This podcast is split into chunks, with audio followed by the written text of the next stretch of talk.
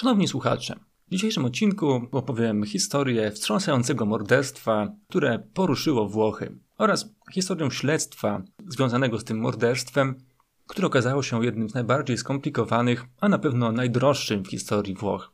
Przy okazji też jednym z najbardziej innowacyjnych w ogóle w Europie. W śledztwie tym prowadzący postępowanie wykazali się naprawdę niespotykanym uporem, wykonali mrówczą pracę, której jednak efekty nie do końca zostały docenione przez całość opinii publicznej. Z tego prostego powodu, że wciąż wiele osób pozostaje nieprzekonanych co do wyniku ustaleń śledczych i wskazuje na liczne znaki zapytania w całej tej sprawie. Przeanalizujemy dziś zgromadzone dowody i spróbujemy ocenić, na ile te wątpliwości są uzasadnione i co właściwie mogło stać się z nastoletnią Jarą Gambirazio, bohaterką dzisiejszej sprawy. Odwiedzimy okolice Bergamo, sama północ Włoch, już prawie że Szwajcaria, prawie że góry, region, którego mieszkańcy wręcz szczycą się swoją powagą, dobrą organizacją i pracowitością.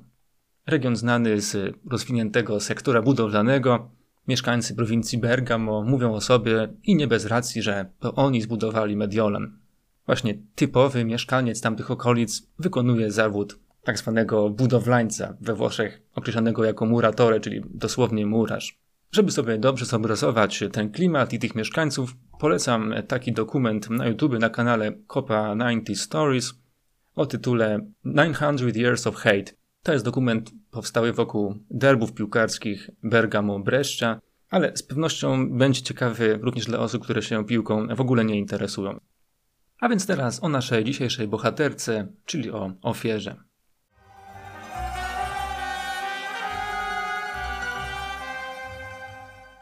Jara Gambirazio. W chwili swojego zaginięcia miała lat 13, zamieszkiwała w Brembate di Sopra, czyli tak jakby Brembate Górnym, miejscowości leżącej właściwie na przedmieściach Bergamo. Była drugą najstarszą córką z czwórki rodzeństwa. Według swojej rodziny była dziewczyną bardzo pogodną, dobrą, pełną energii i tę energię pożytkowała w swojej pasji, którą była gimnastyka artystyczna. Gimnastykę ćwiczyła w kompleksie sportowym Polisportiva di Brembate, miejscu bardzo istotnym w dzisiejszym odcinku. Będziemy go nazywać w skrócie siłownia albo centrum sportu, bo tak w Polsce tego typu struktury są często nazywane. I w tymże centrum sportu Jara miała mnóstwo znajomych. Co istotne, chodziła tam nie tylko kiedy miała swoje treningi, ale również często po prostu w czasie wolnym pogadać z kimś, spotkać się, dołączyć do innych zajęć, po prostu zabić czas, którego w wieku 13 lat ma się jeszcze sporo. Generalnie życie 13-letniej Jary dzieliło się pomiędzy dom, szkołę i centrum sportu. Wszystkie te miejsca znajdowały się w promieniu kilkuset metrów w Brembaty di Sopra. I to właśnie na tych kilkuset, tak wydawałoby się bezpiecznych metrach, miały rozegrać się wydarzenia, które spowodowały jej śmierć i to prawdopodobnie nieprzyjemną i powolną.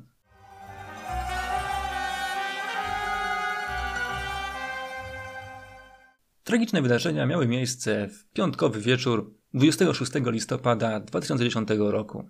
Jara Gambirazio po powrocie ze szkoły przebywała w domu, miała świetny humor, dostała tego dnia kartę z ocen, były generalnie dobre, odrobiła prace domowe, a następnie około godziny 17.15 zaczęła zbierać się z domu do centrum sportu. Nie na swój trening, ale na zajęcia z rytmiki, w których nie miała uczestniczyć, ale miała po prostu przynieść radio, takiego typowego boomboxa jak na to wtedy mówiono. Poprosiło ją o to prowadzące zajęcia, bo tamten boombox nie działał, a właściwie poprosiła nie tyle ją, co jej siostrę Kebę, ale potem dziewczyny zamieniły się. Dosłownie 15 minut przed wyjściem nastąpiła decyzja, że to Jara jednak pójdzie. Na odchodne pyta jeszcze mamy, czy mają gdzieś w domu torbę foliową, w którą to radio można by zapakować. Mama odpowiada, że daj spokój, kto będzie zwracał uwagę, że niesiesz radio. Jara zabiera klucze, telefon i MP3 i mówi matce, że wróci przed kolacją, czyli tak przed siódmą. Mija godzina siódma, a Jara jednak nie wraca. O godzinie 19.10 matka zaczyna się niepokoić i dzwoni do córki. Telefon jednak zdaje się być wyłączony. Dzwoni więc do prowadzącej zajęcia, a ta powiedziała, że Jara wyszła z siłowni koło 18.30. Matka dzwoni więc na recepcję, pytać, czy może Jara nie poszła na taniec nowoczesny, który był w tym czasie, ale tam odpowiadają, że jej jednak nie widzieli. Matka Jary wychodzi więc szukać córki na własną rękę, bezskutecznie. Potem wzywa męża, a w końcu razem dzwonią do karabinierów. Co się w tym czasie działo z Jarą? W centrum sportu pozostała ona, według różnych zeznań, co najmniej do godziny około 18.40. Po czym ślad po niej zaginął. Kamery monitorujące centrum są w ogromnej części niesprawne i były kompletnie nieprzydatne do rekonstrukcji ruchów dziewczyny. Ostatnią osobą, którą ją widział, był pan Fabrizio Francese, ojczym koleżanki Jary, który przyjechał ją odebrać i który mówił, że choć nie widział dosłownie jak Jara wychodzi z siłowni, to jednak kiedy ją spotkał, kierowała się wyraźnie szybkim krokiem w stronę wyjścia. I było to około godziny 18.40-45. Z zapisu kamer później wynikało, że nieco się pomylił, przyjechał parę minut później. Z danych pozyskanych od firmy telefonicznej Vodafone dowiedziano się, że o godzinie 18.44 Jana wysłała SMS-a do koleżanki z informacjami na temat zawodów gimnastycznych, które miały się odbyć w niedzielę. Jej telefon połączył się wtedy z nadajnikiem w Ponte San Pietro, czyli praktycznie w Brembate przy stacji kolejowej. O 18.49 z kolei z innym nadajnikiem w Mapello, a o 18.55 z jeszcze kolejnym, tym razem o adresie Brembate via Ruggeri. Te rejestry nadajników BTS niewiele nam tak naprawdę mówią, niewiele mówiły wtedy śledczym, ponieważ czasem telefony zmieniają te nadajniki w wyniku nawet nieznacznego przemieszczenia się. Tak naprawdę w świetle tych danych nadajników nie można wykluczyć nawet, że Jara w ogóle nie wyszła z siłowni. W każdym razie następny sygnał zanikł. Telefon został wyłączony. Przez kolejne dni i tygodnie monitorowany jest wciąż numer Jary, ale nikt podejrzany się z nią nie próbuje połączyć. Jedynie zdesperowany ojciec nagrywa wiadomości, łudząc się, że córka jakoś z jakiegoś powodu samowolnie uciekła. A tymczasem trwają poszukiwania. Biorą w nich udział zarówno służby, jak i liczni ochotnicy. Trwają dzień, tydzień, miesiąc. Jary jednak ani śladu żywej, ani martwej.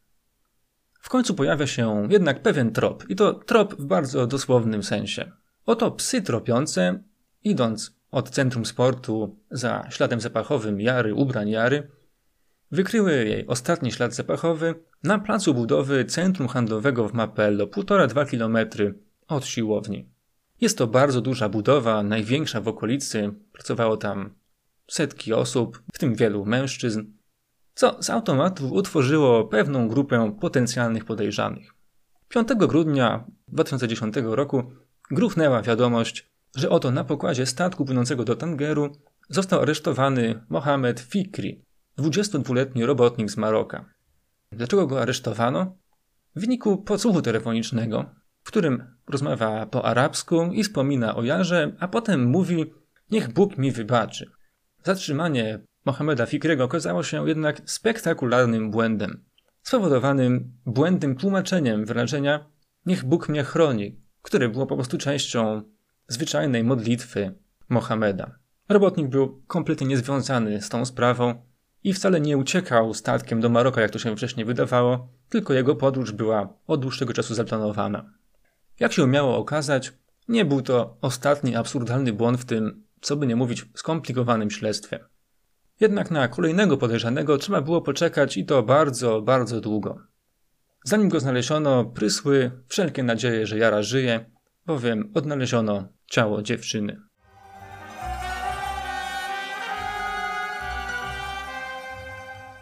Do znalezienia zwłok przysłużył się przypadek, konkretnie wiatr.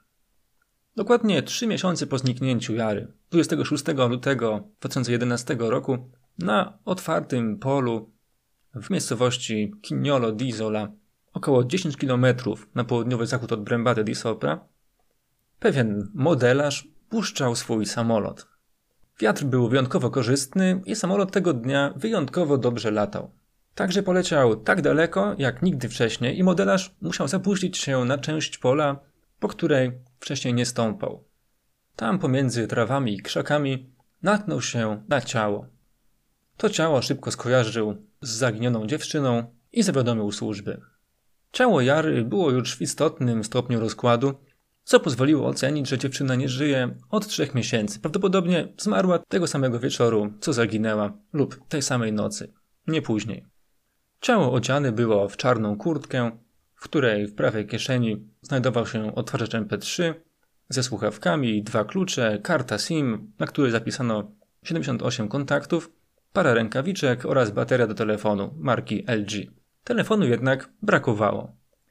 Oprócz tego czarna bluza z kapturem, niebieski t-shirt, fioletowy biustonosz, para leginsów z rozdarciami w dolnej części, para majtek również z rozdarciem prawej bocznej części, rozdarciem dodajmy z takimi dość ostrymi krawędziami. Te rozdarcia stają się idealnie nakładać na siebie oraz na ciętą ranę w prawej okolicy pośladkowej. Oprócz tego kolorowe skarpetki, czarne buty treningowe, w lewym bucie sznurowadło rozwiązane, w prawym zawiązane jednym węzłem i kokardą. Wokół prawej kostki owinęły się trawy. Prawa dłoń nieco ściśnięta, również tam owinęły się elementy trawiaste. Na dłoni oraz na całej reszcie ciała wyraźne ślady ingerencji, gryzoni po śmierci. To, co rzuciło się w oczy już przy pierwszych oględzinach, to widoczne rany cięte. Na szyi, od jednego końca do drugiego, wzdłuż całego przedniego odwodu, na obu nadgarstkach symetrycznie, w lewym rejonie piersi, wzdłuż całej klatki piersiowej, na plecach w kształcie litery X i tuż poniżej w kształcie litery J. Na prawej nodze dwa zachodzące na siebie nacięcia. Tak wygląda spis ran dokonany przez biegłych medycyny sądowej. Rany zadano jakimś rodzajem noża, ale nie dało się precyzyjnie określić jakim. W każdym razie rany nie były głębokie. Analiza mikroskopowa pozwoliła stwierdzić, że wszystkie rany kłute były zadane, kiedy ofiara żyła. Były zadawane przez ubranie, stąd zgodność między cięciami na ubraniu i tymi na ciele. Przy tym trzeba wspomnieć, że bluza i kurtka nie były porozcinane, a także nie były tak zjedzone przez gryzonie, jak ubrania pod spodem. Na głowie ofiary zidentyfikowano trzy miejsca, a dokładniej na lewej kości policzkowej, w prawym kącie żuchwy oraz na karku, które objęte były jakąś formą urazu stłuczeniowego. Z racji upływu czasu niemożliwe było zidentyfikowanie dokładnie ich wielkości, a także może przede wszystkim zidentyfikowanie przedmiotu, który mógł je spowodować. Na pewno był to przedmiot twardy i tępy. Biegli napisali, że pojedyncze uderzenie o ziemię wydaje się mało prawdopodobne, ponieważ wtedy mielibyśmy do czynienia z jedną lub kilkoma ranami po tej samej stronie głowy, Tymczasem one są w różnych miejscach na głowie, więc albo był to upadek z wielokrotnymi uderzeniami, na przykład przy upadku ze schodów, albo po prostu cios w głowę, a potem upadek. Cios mógł nastąpić dowolnym przedmiotem o płaskiej powierzchni, mógł to być młotek, kamień, a nawet pięść. Informacja, która dla rekonstrukcji tej zbrodni była bardzo istotna, dotyczyła rzecz jasna śladów przemocy seksualnej. Otóż genitalia i błona dziewicza były nienaruszone, i ogólnie rzecz biorąc, na ciele nie było śladów gwałtu, przemoc nie koncentrowała się wokół okolic intymnych. Co było przyczyną śmierci Jary Gambirazio? Badanie wykazało obecność niewielkiej ilości krwi w poskrzelach, także sama w sobie ta krew nie mogła przyczynić się do śmierci. Nie było to uduszenie krwią. Stan ukrwienia narządów wewnętrznych wykluczał też możliwość, że ofiara doznała takiej utraty krwi, która spowodowała zgon. Obrażenia głowy wskazywały na uraz rzeczywiście wystarczający do spowodowania utraty przytomności, ale nie do spowodowania śmierci. Jak wspomniałem, te rany kłute, zadane nożem, były generalnie mniej lub bardziej powierzchowne. Nawet uraz szyi, mimo że przechodzący z boku na bok gardła, nie był głęboki. Dotknął co najwyżej powierzchownie tchawicy i tętnicy szyjnej, ale nie spowodował ani krwawienia, ani wycieku krwi do tchawicy które mogłoby spowodować uduszenie. Żaden z urazów na ciele Jary Gambirazio nie był śmiertelny. Przypuszcza się więc, że śmierć nastąpiła po ataku, już z powodu zimna i osłabienia spowodowanego obrażeniami. To kolejna bardzo ważna okoliczność, do której wrócimy przy próbie zrekonstruowania tego, co się tamtego wieczoru wydarzyło, bo pozwala przypuszczać, że napastnik nie zamierzał zabić dziewczyny, może bardziej ją zaatakował, a potem Spanikował, nie wiedział co dalej zrobić. Przejdźmy teraz do pierwszej kontrowersji w tej sprawie. Czy to możliwe, że na otwartym polu, w miasteczku małym, ale jednak ruchliwym, niezbyt daleko od miejsca zaginięcia, przez trzy miesiące leżała poszukiwana dziewczyna, najbardziej poszukiwana dziewczyna w okolicy, jak nie w ogóle we Włoszech? Tam spacerowali nawet na co dzień ludzie z psami, a oprócz tego oczywiście szukali jej wolontariusze, służby, również helikopterami. Niedaleko znajdowała się dyskoteka o nazwie nomen omen Ruchome Piaski, dosłownie 300-400 metrów od miejsca, w którym znaleziono ciało Jary. Zaskoczenie potęguje fakt, że półtora miesiąca zanim znaleziono ciało Jary, na tym samym polu znaleziono inne ciało, zaledwie kilkaset metrów dalej. Było to ciało chłopaka zamordowanego pod dyskoteką w wyniku jakiejś pijackiej, bandyckiej kłótni i to ciało znaleziono następnego dnia po tym morderstwie i wydawałoby się, że w związku z tym morderstwem należałoby spodziewać się, że to pole zostało dokładnie przeszukane. Wyjaśnieniem tej kwestii może być to, że po prostu roślinność na tym polu była dosyć bujna, a poza tym ciernista i tak nie za bardzo ktoś w tamto miejsce akurat chodził. Modelarz, który znalazł ciało, powiedział, że nie mógł znieść jego widoku, więc jak już wezwał policję, to oddalił się o kilka metrów i wtedy zwłoki natychmiast zniknęły mu z oczu. Do tego stopnia, że był zmuszony ponownie ich szukać, bo bał się, że kiedy przyjedzie policja, weźmie go za wariata. Poza tym już po pewnym czasie ciało Jary zlewało się już z tłem. Ciężko było je odróżnić od koloru ziemi. Istotnym wkładem w rozwiewanie tej wątpliwości była opinia botaniczna. Prawa kostka jary była częściowo pokryta i owinięta łodygami traw. Te trawy to wierzbowica kosmata oraz sorgo alepskie. Gatunki, które występują właśnie na polu w Kiniolo di Isola. Na prawej ręce jary znajdowały się łodygi i liście również gatunków roślin, takich jak wokół ciała.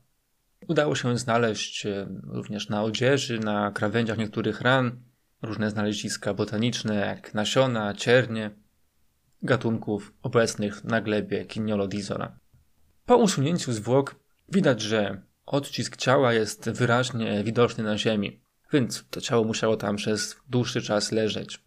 Botanik zauważył, że pod zwłokami brak pędów wspomnianej wierzbownicy kosmatej, dzięki czemu można było stwierdzić, że co najmniej od początku lutego to ciało musiało tam pozostawać, ponieważ wokół wierzbownica zaczynała już rosnąć.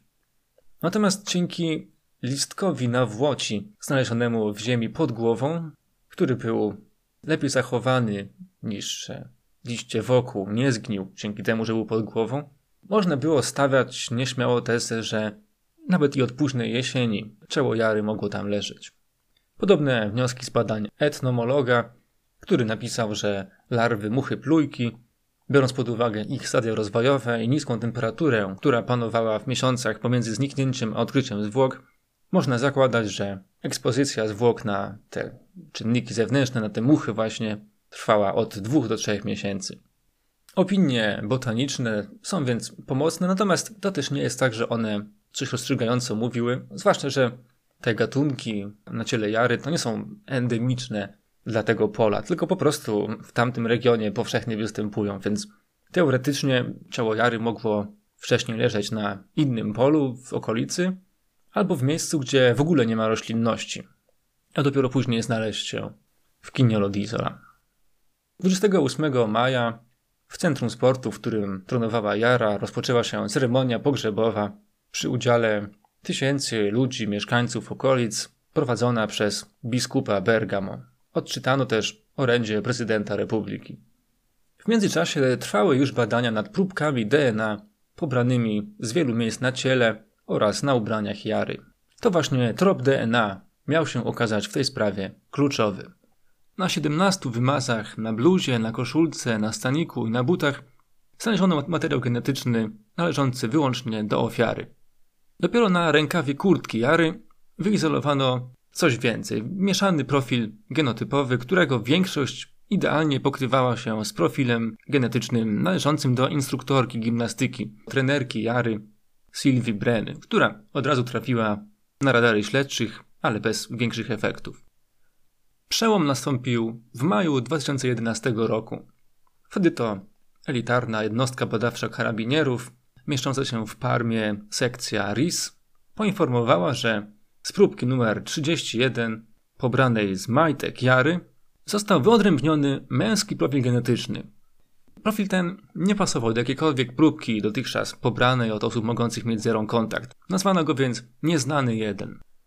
Jedyne co było wiadomo na podstawie samego tego materiału to, że na 94,5% osobnik ten miał jasne oczy, najpewniej niebieskie.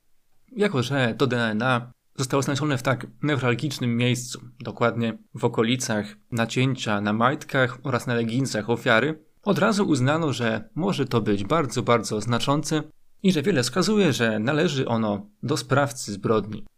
Rozpoczynają się więc poszukiwania nieznanego jeden.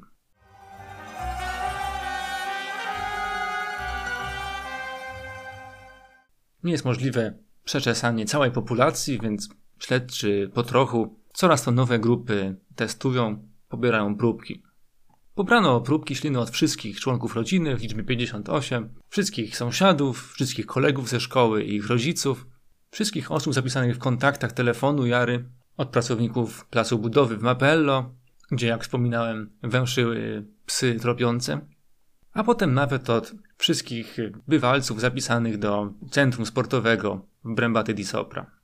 Bez efektu. Następnie, biorąc pod uwagę, że na zwłokach odkryto pewne niewielkie ilości tlenku wapnia, czyli wapna palonego, postanowiono spisać wszystkich pracowników okolicznych firm budowlanych, bo to na budowach ten materiał występuje. Jednak, jak już wspominałem, prowincja Bergamo budowlańcami stoi. I w samej tej prowincji było ich 17 tysięcy. Uzyskano więc dane 700 pracowników firm budowlanych w Kignolo d'Isola. Następnie zdobyto też nazwiska 31 tysięcy członków dyskoteki Ruchome Piaski w Kignolo, tej obok pola, gdzie znaleziono zwłoki. Spośród nich wybrano 476, którzy mieszkali w Brembaty di Sopra, a więc tam, gdzie Jara, tam, gdzie była siłownia. I spośród nich pobrano próbki DNA od 146, których w wieczór zaginięcia Jary telefony logowały się właśnie w Brembate i okolicach. Oni jako pierwsi zostali przesłuchani i poddani wymazom śliny. Bez rezultatu. Zaczęto więc zataczać coraz szersze kręgi. Czy państwo włoskie zobligowało tysiące ludzi do poddania się testom DNA? Nie do końca. Na szczęście nie ma takiej mocy. Ci ludzie teoretycznie poddawali się tym testom dobrowolnie. Niektórzy odpowiadali na takie wezwania do, do zgłaszania się po dobroci. Tym niemniej, no, nie oszukujmy się, presja na niektórych była. Generalnie cała ta procedura, która zakończyła się potem na tysiącach próbek, ma taki trochę dystopijny zapaszek. W każdym razie po około 2000 porównań bez rezultatu, w lipcu 2011 roku wrócono do listy 476 i pobrano wymaz śliny od niejakiego Damiano Guerinoniego, członka dyskoteki Ruchome Piaski, który jednak w noc zaginięcia Jary przebywał w Peru, miał doskonałe alibi.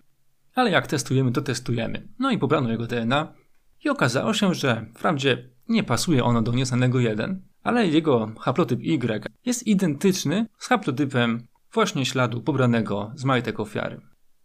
Analiza wykluczyła, że był to jeden z jego krewnych w linii prostej, ale śledczy poczuli, że są wreszcie blisko. W ruch poszli genealodzy. Prześledzili linię męską Guerinonich aż do Nestora ich rodu o wdzięcznym imieniu Battista Guerinoni, urodzony w roku 1719. I od pana Battisty zrekonstruowali całe drzewo genealogiczne rodziny, poddając wszystkich żyjących męskich potomków próbkom śliny. I tak dotarli do Pier Paolo Guerinoniego którego profil DNA był już prawie identyczny z nieznanym jeden. Oba profile różniły się tylko jednym markerem. I podobny wynik znaleziono u jego brata, Diego. Wniosek z porównania DNA braci, a także ich siostry, wskazywał, że to wielce prawdopodobne, że nieznany jeden jest też ich bratem. Problem w tym, że oni więcej braci nie mieli. Nikt o takich nie słyszał. Co więcej, ich ojciec, Giuseppe Guerinoni, jeśli miał jakąś tajemnicę, to zabrał ją do grobu w roku 99. Dla pewności jednak pobrano ze znaczka pocztowego na kartce pocztowej, którą wysłał do rodziny, jego DNA i wtedy wyliczono, że to na 99,5 po przecinku procent ojciec nieznanego jeden. Żeby mieć jeszcze większą pewność, ekshumowano nawet zwłoki Giuseppe Guerinoniego i wtedy pewność doszła do 99,8 po przecinku procent. Tajemnica jednak pozostawała tajemnicą, bo nikt nic nie wiedział, aby Giuseppe miał więcej synów, a w szczególności nie wiedziała o tym jego żona. Postanowiono więc szukać matki. Założono, że relację pozamałżeńską Giuseppe mógł nawiązać na przykład w pracy, a był kierowcą autobusu. Kierowcą, kontrolerem, taki kierowca w małych włoskich miasteczkach często pasażerów zagaduje, na pewno robił to w tamtych czasach. Zresztą znajomi, dawni znajomi Giuseppe mówili, że niezły był z niego bawidamek.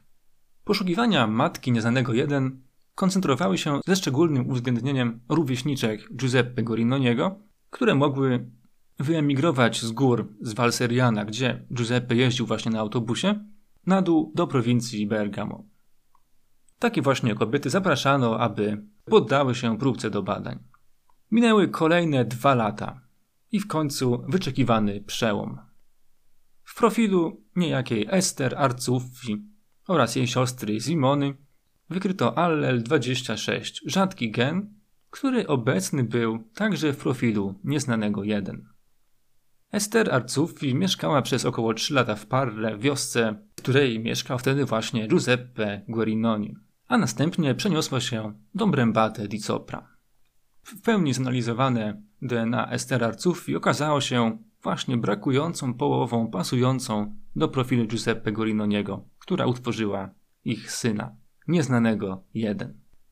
Sama Ester zareagowała na tę informację szczerym zdziwieniem i negowała, jakoby w ogóle znała Giuseppe Gorinoniego, a co dopiero miała z nim dzieci. Zresztą miała wtedy męża, Giovanniego Bossetti. Tym niemniej uwaga śledczych skupiła się na dwóch synach kobiety. Na Fabio oraz na Massimo Giuseppe Bossetti. Zwłaszcza na tym drugim, ponieważ urodził się właśnie bliżej okresu, kiedy matka przeprowadziła się z Parle do Brembate, a poza tym był budowlańcem, murarzem, mieszkał w Mapello, no a do tego jego drugie imię. To nie było Giovanni po mężu matki, a jednak Giuseppe. Czyżby poprzez to imię została niejako przemycona tożsamość jego ojca? W dniu 15 czerwca 2014 roku Massimo Bossetti został zatrzymany, kiedy jechał samochodem, poddany testowi na obecność alkoholu. Wszystko więc odbyło się jeszcze w sposób zakamuflowany. DNA pobrano z ustniku alkomatu, przeanalizowano i bingo, mamy to. To ten sam profil genetyczny, co nieznanego jeden. 16 czerwca 2014 roku Massimo Giuseppe Bossetti zostaje aresztowany. Kim był Massimo Giuseppe Bossetti?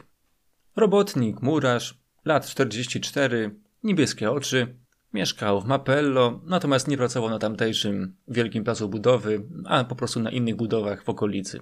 Żonaty od kilkunastu lat z Maritą Komi, w chwili aresztowania ma trójkę dzieci w wieku lat 13, 9 i 7.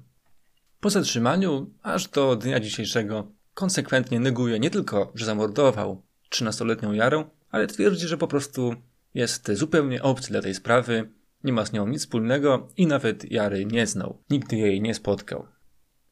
Co zarzuca mu prokuratura? Jaką stworzyła hipotezę? Bossetti miał wyjść z domu zły i sfrustrowany po kolejnej kłótni z żoną, z którą w tamtym okresie mu się nie układało. Wsiadł do samochodu, do swojej furgonetki i tak krążył bezwiednie po mieście, aż w końcu przyszedł mu do głowy wyładować jakoś swoją frustrację, swoje napięcie seksualne i nie tylko i zapolować na jakąś bezbronną dziewczynę. Krążył samochodem wokół siłowni i w pewnym momencie zobaczył, że wychodzi z niej właśnie Jara Gambiracio, którą być może kojarzył, być może nie. W jaki sposób zdołał Jarę podejść, nie wiadomo czy wsiadła do niego do samochodu, czy też on jakoś ją zdołał ogłuszyć. Następnie znęcał się nad nią, nacinając. Była wtedy prawdopodobnie nieprzytomna, choć trudno to stwierdzić, aż w końcu wyrzucił ją na pole w Kiniolo d'Isola. Zanim zacznę szczegółowo omawiać dowody na poparcie tej tezy prokuratury, jeszcze trochę więcej o osobie podejrzanego Massimo Bossettiego, o jego, jak to się mówi, właściwościach i warunkach osobistych.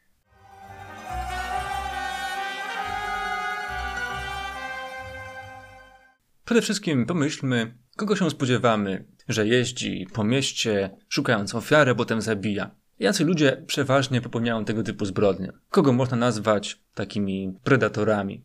Są to niestety prawie zawsze mężczyźni, lat różnie, ale często tak około 40. I tutaj wszystko się zgadza z Bossetti. Są to ludzie raczej wykształceni gorzej niż lepiej, często pracujący fizycznie, tak jak nasz murarz z Mapello, o takiej osobowości często narcystycznej, egocentrycznej. I tutaj też się to sprawdza. Tak o Bossetti mówią na przykład jego koledzy z pracy, z budowy, właściwie różnych placów budowy. Wiadomo też, że Bossetti obsesyjnie dba o swój wygląd, na przykład bardzo często chodzi na solarium, które zresztą sąsiadowało z budynkiem, gdzie mieszkała Jara. Poza tym, i tutaj już mówię o takich bardzo subiektywnych wrażeniach, ale jednak dosyć powszechnych u osób, które obserwowały mimikę i zachowanie Bossettiego, on swoim wyglądem i zachowaniem daje generalnie złe wrażenie. Chociaż trudno ubrać to w konkretne słowa. Tak, używając słów z mojego ulubionego filmu z dzieciństwa, Czerwony kapturek, prawdziwa historia, Bossetti był po prostu taki nieteges. Ale jak już właśnie ta bajka uczy, nie aresztuje się ludzi tylko dlatego, że są nieteges. Wiesiek, kojarzysz tego gościa w karcerze? No, lepiej go zwolnij. Analizujmy więc dalej. Czego jeszcze można się spodziewać po takim predatorze? To, że był też notowany za jakieś podobne przestępstwa idące w tym kierunku, że ktoś coś kiedyś niepokojącego w nim zauważył. Często taki predator ma jakieś wcześniejsze wyroki za przemoc seksualną albo czy też generalnie przemoc wobec kobiet, przemoc domową. Natomiast Bossetti ma kartotekę całkowicie czyściutką. A tutaj też trzeba przypomnieć, że został złapany 4 lata po zabójstwie Jary. Przez te 4 lata żył w przekonaniu, że jest poza jakimikolwiek podejrzeniami, więc dla takiego predatora byłoby kuszące, żeby na przykład powtórzyć ten czyn. To jednak się nie stało, bo Setti i przed i po 2010 roku kartotekę miał czystą. Co dalej? Są to mężczyźni zazwyczaj samotni, ewentualnie po jakimś rozstaniu, ale generalnie mający ewidentnie jakiś problem z kobietami. I tutaj też mamy pewien kłopot, bo Bossetti był od dawna żonaty i miał trójkę dzieci. Generalnie był znany jako taki człowiek rodzinny. Prowadził rodzinne życie, zapewne szczęśliwe, chociaż tutaj można zasygnalizować jednak jakieś problemy, ponieważ ponoć żona go zdradzała. Tak zeznawali jej domniemani kochankowie, ona zaprzeczała. A do tego, i to akurat jest bezsporne, w tamtym okresie rzeczywiście małżonkowie często się kłócili. W tygodniu, w którym doszło do zabójstwa Jary, Massimo i Marita w ogóle do siebie nie dzwonili, co wynika też z rejestrów połączeń, i generalnie oboje przyznali, że rzeczywiście mogli mieć wtedy takie ciche dni. Czy to jednak było wystarczające do popchnięcia Bossettiego do zamiany w predatora? Przedstawmy teraz dowody, na podstawie których prokuratura twierdzi, że jednak tak.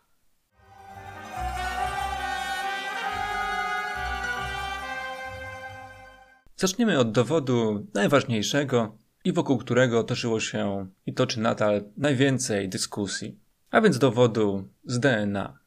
Jak wspomniałem, na majtkach i leginsach ofiary w okolicy dokonanego na nich rozcięcia korespondującego z raną na nodze pobrano próbkę DNA zawierającą materiał genetyczny zmieszany ofiary oraz nieznanego jeden, którym po trzech latach stwierdzono, że jest Massimo Bossetti. Czy takie znalezisko pieczętuje sprawę? Ogólnie rzecz biorąc, w sprawach e, kryminalnych, w których wykorzystywane są badania DNA, mogą wystąpić takie dwa podstawowe problemy. Problem pierwszy. To, że gdzieś znaleziono czyjeś DNA, świadczy samo sobie tylko i wyłącznie o tym, że ten ktoś miał kontakt, i to być może nawet pośredni, z ofiarą lub z jej ciałem w ogólnej bliskości czasowej jej śmierci. Takiej bliskości rzędu dni, no maks tygodni. Nie znaczy to, że ten właściciel tego DNA tę ofiarę zabił. To oczywiste, są możliwe tysiące różnych innych wytłumaczeń, jak coś tam się znalazło. Wszystko zależy od kontekstu, od innych dowodów, od innych znanych okoliczności. I z analizy tego kontekstu, do której też przejdziemy, nie może śledczych zwalniać nawet to, że to DNA zostało znalezione w tak znaczącym miejscu, jak rozcięcie na bieliźnie ofiary przy ranie. choć co już można w tym miejscu wtrącić, z pewnością na niekorzyść Bossettiego działają jego własne deklaracje, że on Jary nigdy nie widział, nigdy nie spotkał. To bowiem ogranicza znacząco liczbę innych możliwości wytłumaczenia, jakiego DNA znalazło się w tym, a nie innym miejscu. A jaki jest drugi problem z DNA? Otóż, chociaż sam test DNA, samo porównanie daje niemal stuprocentową pewność, do kogo należy dana próbka, to znaczy jest to 99% z tyloma dziewiątkami po przecinku, że praktycznie jest to 100%. To jednak, jak przy oczywiście każdym innym badaniu, mogą być w trakcie popełnione błędy. I tu przykładem niech będzie sprawa omawiana przeze mnie w odcinku numer 4, czyli sprawa zabójstwa Meredith Kelcher, gdzie ostatecznie sąd orzekł, że doszło do kontaminacji w laboratorium w trakcie badania próbki i że w efekcie tej kontaminacji na staniku ofiary znalazło się DNA podejrzanego, które miało służyć do porównania. A zresztą błędów, i to nawet dosyć absurdalnych, nie trzeba szukać daleko, bo zdarzyły się również i w tej sprawie, w sprawie zabójstwa Jary Gambirazio. Otóż w trakcie poszukiwania tych potencjalnych matek nieznanego jeden, o których mówiłem, przez dobre półtora roku próbki pobrane od kobiet, w tym również od Ester Arcuffi, matki Massimo Bossettiego, były porównywane w laboratorium omyłkowo, nie z profilem nieznanego jeden, a z profilem samej ofiary, z profilem Jary Gambirazio. Po prostu pochrzaniły im się te profile genetyczne w systemie. A skoro już o samej Ester Arcuffi mowa, to matka Bossettiego do dziś wypiera się dopuszczenia się zdrady i odbycia stosunku z Giuseppe Guerinonim i twierdzi, że albo badania, które doprowadziły w końcu śledczych do niej i do jej syna były obarczone jakimiś błędami, albo do jakiegoś przekrętu doszło wcześniej, w latach 70. Na przykład twierdzi, że mogła zostać zapłodniona in vitro przez jej ginekologa, jakoś pod jej niewiedzę, bowiem na bezpłodność rzeczywiście się leczyła. Oczywiście tutaj trzeba jednak podkreślić, że jakich błędów by nie popełniono w trakcie poszukiwań nieznanego jeden, ostatecznie zbadano przecież DNA Bossettiego i porównano je z próbką nieznanego jeden i wyszła zgodność, więc te błędy, jeśli były, w jakimś sensie się zerują. Trudno też przypuszczać możliwą kontaminację, skoro materiał na majtkach Jary znaleziono ponad 3 lata przed pobraniem próbki od Bossettiego. To nie było tak, że jego próbka gdzieś krążyła po laboratorium już wcześniej. Tym niemniej jest kilka kwestii w badaniach DNA w sprawie Ery Gambirazy, na które obrońcy Bossettiego, zarówno jego adwokaci, jak i tacy obrońcy internetowi i telewizyjni, zwracają uwagę. I zaraz o tych kwestiach e, krótko powiem. Natomiast czy te kwestie mogą świadczyć o tym, że rzeczywiście popełniono błąd i że to jednak nie DNA Bossettiego znaleziono na ciele Jary? Otóż odpowiedzi na to pytanie ode mnie nie usłyszycie, ponieważ nawet nie będę udawał, że ją znam. Ja jestem tylko domorosłym podcasterem, nie jestem ekspertem w tej dziedzinie. Tak naprawdę rzetelną odpowiedź może dać naprawdę niewielu ekspertów e, w Polsce, ale nie wiadomo mi nic o tym, aby nagrywali podcasty o włoskich zbrodniach. Tym niemniej mogę się domyślić, co właściwie powiedzieliby na moim miejscu, czyli co by powiedzieli, gdyby jednak nagrywali.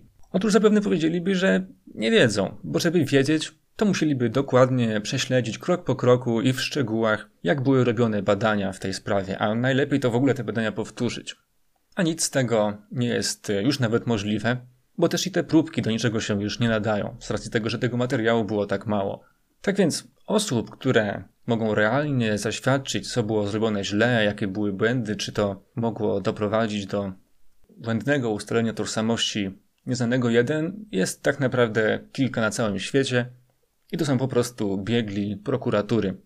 I w znacznie mniejszym stopniu biegli ci prywatni, czyli biegli obrony. W mniejszym, ponieważ to nie oni robili te testy, to nie oni pobierali próbki z majtek i leginsów Jary, nie było ich przy tym, nie mieli potem jak tego testu powtórzyć. To były praktycznie jednorazowe badania. No ale do rzeczy. Jakie konkretnie mają oni zastrzeżenia?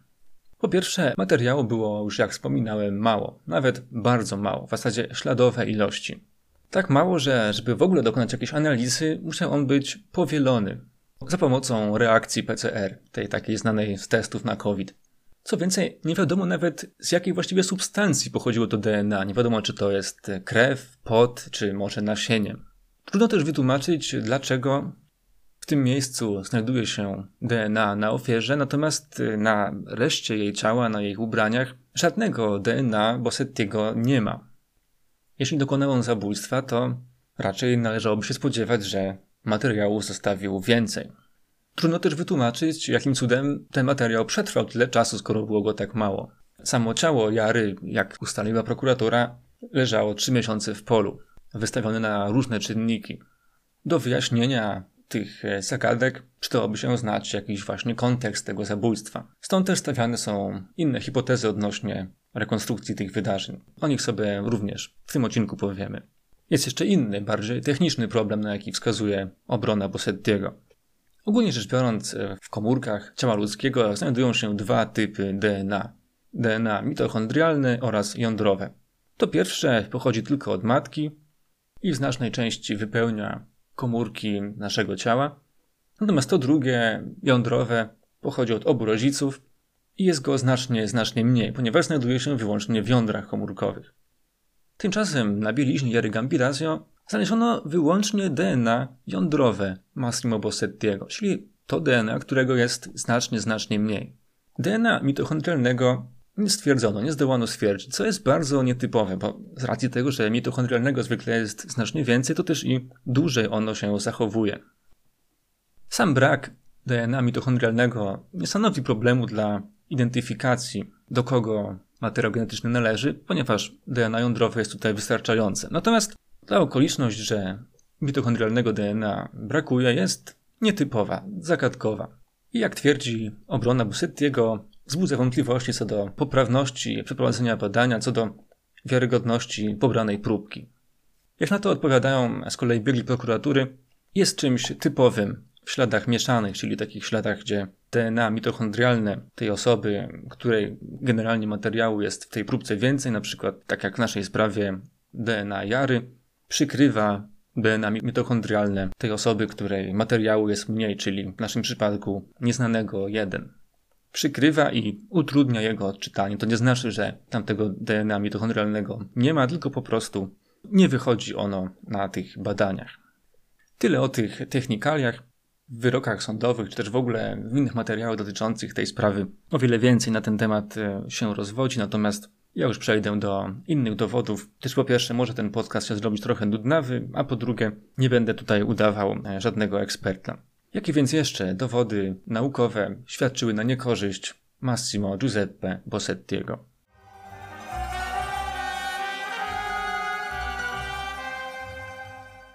Śledczy wzięli na cel samochód Bossettiego. Podejrzany, jak przystało na murarza z prowincji Bergamo, jeździł furgonetką Iveco Daily z nadwoziem typu pick-up przerobionym na taką wywrotkę, to znaczy ta tylna część mogła się podnosić.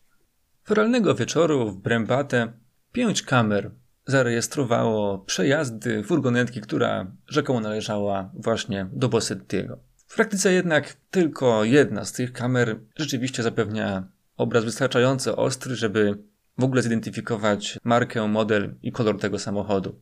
Reszta to takie bardziej świetliste obłoki. Ale jest to kamera znacząca. Znajduje się naprzeciwko centrum sportu. I ta zarejestrowała samochód marki Iveco Daily z nadwoziem pickup o godzinie 18.37 oraz 18.45. A więc rzeczywiście w bliskie okolicy czasowej zniknięcia Jary. Ustalono markę, model, rozstaw osi też zgadzał się z tym należącym do pojazdu Bossettiego, ale jednak jakość nagrania wciąż była generalnie marna. Nie dało się ze stuprocentową pewnością powiedzieć, że to ten sam samochód. A przecież jesteśmy we włoskiej stolicy murarzy i robotników. Tam wydawałoby się, co druga osoba jeździ Iveco Daily. Śledczy zdobyli się więc na naprawdę iście mrówczą pracę mającą odnaleźć wszystkie możliwe inne takie samochody i dokładnie je porównać z tym ze zdjęcia i z tym Bossettiego. Uzyskano od firmy Iveco listę wszystkich furgonetek modelu Daily 35C11, jakie zostały wyprodukowane od prezentacji modelu aż do końca jego produkcji. Lista obejmowała 14 375 pojazdów. Spośród nich wybrano pojazdy zarejestrowane we Włoszech na dzień 26 listopada 2010 roku, a więc zaginięcia Jary. Było to łącznie 4363 samochody. Dalej wyselekcjonowano 1929 pojazdów należących do osób zamieszkałych w regionach północy Włoch. Te wszystkie samochody sfotografowano. Następnie zawężono zakres dochodzenia do tych należących do osób mieszkających w prowincji Bergamo. I tam, jak ustalili śledczy, tylko pięć pojazdów było podobnych do tego należącego do Massimo Bossettiego. Jak udało się to aż tak zawęzić? Po prostu uzyskano dane od firmy, która przerobiła Bossettiemu tą karoserię. Jak wspomniałem, że to zostało przerobione na taką wywrotkę. Ten montaż wiązał się też z zamontowaniem takich charakterystycznych jakby pleców tej wywrotki z tyłu kabiny pojazdu. I to rzekomo było widoczne na nagraniu z kamery. W międzyczasie w mediach ukazała się taka bardzo sugestywna kompilacja nagrań furgonetki krążącej po Brębatę w noc zabójstwa, która rzeczywiście wyglądała jak rekin polujący na ofiarę. Ostatecznie nie był to jednak dowód, który znajdował się w aktach. Tutaj śledczy, konkretnie karabinierzy, zachowali się w stosunku do Bossettiego rzeczywiście nie w porządku, ponieważ udostępnili to medium, a tak naprawdę na większości tych nagrań nie dało się jakkolwiek stwierdzić, czy to w ogóle jest taki samochód, jakim dysponował oskarżony. Wręcz na niektórych ujęciach można było wykluczyć, że to jest ciężarówka Bossettiego, bo gdyby rzeczywiście to wszędzie był ten sam samochód, to musiałby on przemieszczać się po Brębaty z prędkością 190 na godzinę. Zrobił się z tego mały skandal, a z racji tego, że mimo wszystko jakość tych nagrań, nawet tych dobrych, nie pozwalała jednoznacznie stwierdzić, czy rzeczywiście to jest taki samochód z tak przerobioną karoserią przez tamtą firmę, sąd postanowił w końcu tego tematu dalej nie rozwijać. Oficjalnie machnął na to ręką, ale też nie oszukujmy się, negatywne wrażenie wobec Bossettiego pozostało. Furgonetka Bossettiego, jak również jego drugi samochód, wykorzystywany częściej przez jego żonę, zostały dokładnie przeczesane w poszukiwaniu jakichś śladów biologicznych ofiary, odcisków palców, włosów. Nic nie znaleziono. Podobnie negatywny skutek odniosły przeszukania w domu Bossettiego, przeszukania jego odzieży, narzędzi pracy. Skupiono się więc na dokładnej analizie mikroskopijnych przedmiotów, mikrośladów znalezionych na ciele ofiary, które pozostawały wciąż nieco zagadkowe. To jest mikroskopijnych kolorowych włókien oraz tajemniczych również mikroskopijnych metalowych kuleczek. Wycięto próbkę tkaniny z tapicerki jednego z foteli furgonetki Bossettiego. Ta tapicerka okazała się składać z czterech rodzajów przędzy tekstylnej, żółtej, turkusowej oraz dwóch odcieni niebieskiego. Te próbki poddano analizie mikrospektrometrycznej i porównaniu z takimi włóknami znalezionymi na legincach e, i na dolnej części kurtki Jary Gambirazio.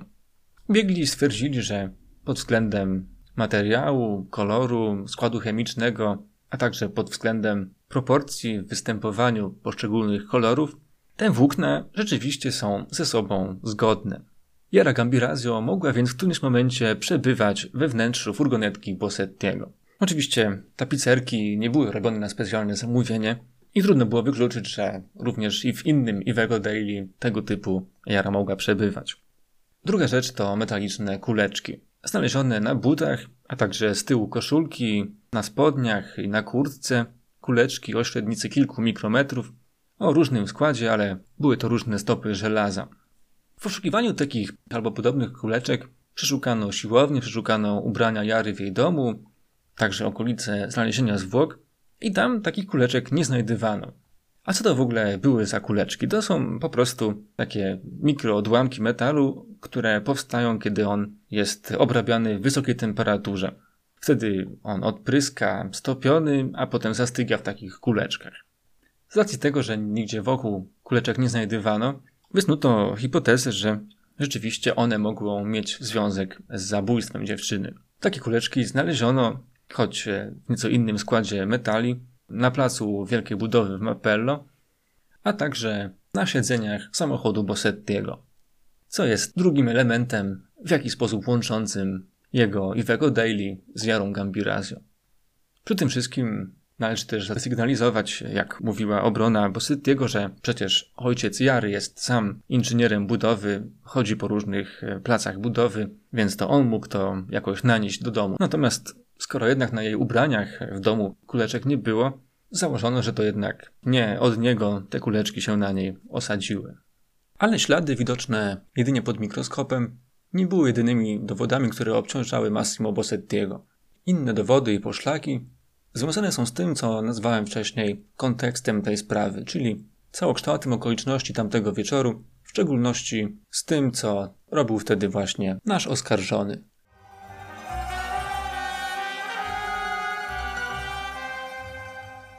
Z rejestru połączeń jego telefonu tamtego dnia wynika, że między godziną 15 a 16 był wielokrotnie i bezskutecznie poszukiwany przez swojego pracodawcę, a jego telefon nie łączył się z żadnym nadajnikiem, tak jakby był wyłączony, jakoś nieosiągalny, rozładowany może. Natomiast o godzinie 17.45 to Bossetti zadzwonił do swojego pracodawcy, łącząc się z Mapello poprzez e, komórkę BTS e, przy Via Natta. I było to jego ostatnie połączenie tego dnia, następne wykonał dopiero rano. I tutaj mamy pierwszą zbieżność pomiędzy ofiarą i domniemanym oprawcą, bo zarówno Massimo Bossetti, jak i Jara Gambirasi mają właśnie ten nadajnik w Mapello przy Via Nato jako miejsce ostatniego logowania telefonu. Przy tym tylko, że nastąpiło to w odstępie godziny, bo Jara o 18.49. Ale jak już wspomniałem, na tamtym terytorium te nadajniki BTS obejmują swoim zasięgiem znaczne obszary i ten wspomniany nadajnik jest kompatybilny zarówno z po prostu miejscem zamieszkania Bossettiego, jak i z centrum sportu, gdzie przebywała Jara. Tym niemniej to wszystko dowodzi jednak, że w dniu 26 listopada 2010 roku wieczorem Bossetti znajdował się w obszarze Brebaty di Sopra, a nie gdzieś indziej, w Bergamo czy w ogóle gdzieś w trasie. Jego telefon po 17.45 nie generował żadnego ruchu. Nie oznacza to, że był wyłączony, choć jest to oczywiście możliwe, natomiast po prostu nie był używany. Ciężko więc od tej strony ustalić, co porabiał w tym czasie Massimo Bossetti. I tu przechodzimy do kolejnego problemu, z jakim musieli się zmierzyć jego obrońcy. Kompletnym brakiem alibi. Bossetti nie był w stanie przedstawić żadnego alibi na tamten wieczór, mówił, że nic nie pamięta. Mieszkał on w Mapello, ale często odwiedzał Brembaty di Sopra. Mieszkał tam jego brat Fabio, tam znajdowało się biuro jego księgowej, a także jego ulubione solarium. Często też kupował dzieciom naklejki w kiosku znajdującym się przed centrum sportu. Tłumacząc, dlaczego jego furgonetka została uchwycona przez kamery, mówił, że no pewnie odwiedzał księgową albo kiosk, księgarnię, albo u mechanika.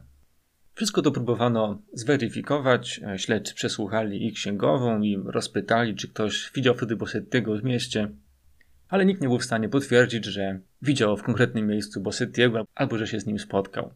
Z alibi nici. Znaczące dla śledczych było też gubienie się przez Bossettiego w opowiadaniu o tamtym wieczorze ze swojej perspektywy, już e, też w późniejszym czasie, jak już był aresztowany. Jego rozmowy z rodziną podczas widzeń w areszcie były rejestrowane i tam nagrana została jedna charakterystyczna rozmowa, jaką odbył z żoną. W jej trakcie oboje komentują trwające śledztwo oraz pytania, które śledczy zadali Maricie Komi, czyli żonie Bossettiego, na temat ruchów jej męża w dniu morderstwa. Marita mówi, że rzeczywiście ona nie pamięta, o której godzinie Massimo przyszedł do domu, ale było to jakoś późno, więc nalega, aby powiedział jej, gdzie wtedy był. Później na rozprawie w sądzie Marita Komit mówiła, że przez późno ona miała na myśli najpóźniej 19.30, ale czy na pewno? Ta wypowiedź mogła mieć dla sprawy duże znaczenie, bo to tak jakby żona Bossettiego przyznała, że nie było go wtedy w domu i co więcej, że jakoś tym faktem się niepokoiła. Ale to nie była jedna wypowiedź, która budziła wątpliwości. Marita Komi wspomina też, jak rok przed aresztowaniem Massimo Bossettiego byli na obiedzie u jego kuzyna i tam tak po prostu swobodnie, przypadkowo rozmawiali o sprawie Jary i każdy wspominał, co robił w ten dzień, kiedy ona zginęła. A Marita powtarza swojemu mężowi, że nie pamięta, co wtedy mi odpowiedziałeś, chyba nic mi nie odpowiedziałeś. Na to Bossetti odpowiada, że no jak mogę pamiętać, dlaczego tamtędy przejeżdżałem i ile razy tamtędy przejeżdżałem, co wtedy robiłem. Jedyną rzeczą, której jestem pewien, to że miałem wtedy rozładowany telefon. Na to żona pyta go, jak może pamiętać taki szczegół, a nie pamiętać, gdzie wtedy był. Chwilę później wspomina też o tym fakcie, że ofiara miała rozwiązane buty. Na to Bossetti mówi, że mogła je zgubić biegając po polu i dodaje: Czy pamiętasz, że padał wtedy deszcz albo śnieg? Marita odpowiada, że ona nie pamięta, a Massimo dodaje, że ziemia była cała rozmoczona, jeśli biegasz po takim polu, łatwo jest zgubić but. Po czym zmienia temat. Czyżby coś jednak pamiętał? Te obciążające, jak się wydaje, wypowiedzi były wykorzystane przez prokuraturę i wielokrotnie rozważane również w mediach. Każdy może je oceniać jak chce, natomiast pozwolę sobie tutaj wtrącić moje trzy grosze. Otóż naprawdę uważałbym z przywiązywaniem do takich wypowiedzi zbyt wielkiej wagi. Generalnie świadkowie we wszystkich sprawach i karnych, i cywilnych mówią bzdury notorycznie, notorycznie i w przeróżnych sprawach i okolicznościach, a także z bardzo różnych przyczyn, w tym również w dobrej wierze. Pamięć ludzka jest naprawdę zawodna, co więcej, zadziwiająco łatwo ulega sugestiom i modyfikacjom. Natomiast oprócz po prostu luk pamięciowych czy jakichś fałszywych wspomnień, świadkowie mówią też e, głupoty, bo albo się stresują, albo coś im się wydaje, że należy powiedzieć, wypada powiedzieć. Czasem czują presję śledczych, żeby coś powiedzieć, ale też i z drugiej strony, czasem nie mówią jakiejś rzeczy kompletnie neutralnej, bo wydaje im się, że na przykład jest obciążająca dla nich albo dla kogoś bliskiego. Czasem świadkowie nie rozumieją pytań i na nie źle odpowiadają, co potem prowadzi do jakichś błędnych konkluzji. A czasami dobrze odpowiadają, ale odpowiedź jest źle zaprotokołowana i też wychodzą jakieś głupoty. Z kolei oskarżeni raz mówią, że nic nie pamiętają, bo uważają, że w ten sposób się chronią, a czasami mówią, że pamiętają jakąś okoliczność, której tak naprawdę wcale nie wiedzą, bo wydaje im się, że takie zeznanie będzie dla nich korzystne, że to ich obroni. Generalnie, jeśli ktoś twierdzi, że pamięta cokolwiek z kompletnie losowego wieczora sprzed czterech lat, to można traktować to jedynie jako bardzo wątłą wskazówkę, bo jednak szansa na to, że ten ktoś gada bzdury jest naprawdę gigantyczna. O ile to nie jest wspomnienie związane z jakimś naprawdę silnie wbijającym się w pamięć zdarzeniem, to naprawdę ciężko jest na takich zeznaniach polegać. A więc czy Bossetti i Marita Komi pamiętali te jakieś szczegóły z przeszłości, czy też coś im się wydawało, że może pamiętają, albo sami siebie zasugerowali, zapoznając się z aktami, na przykład, że tamtego dnia padał deszcz. Tego prawdopodobnie nigdy nie będziemy wiedzieć. Teraz kończąc omawianie dowodów przeciwko Bossettiemu, przejdę do jeszcze ostatniej kategorii, czyli takich wskazówek i okoliczności związanych z jego osobowością, powiedzmy z takim profilem psychologicznym.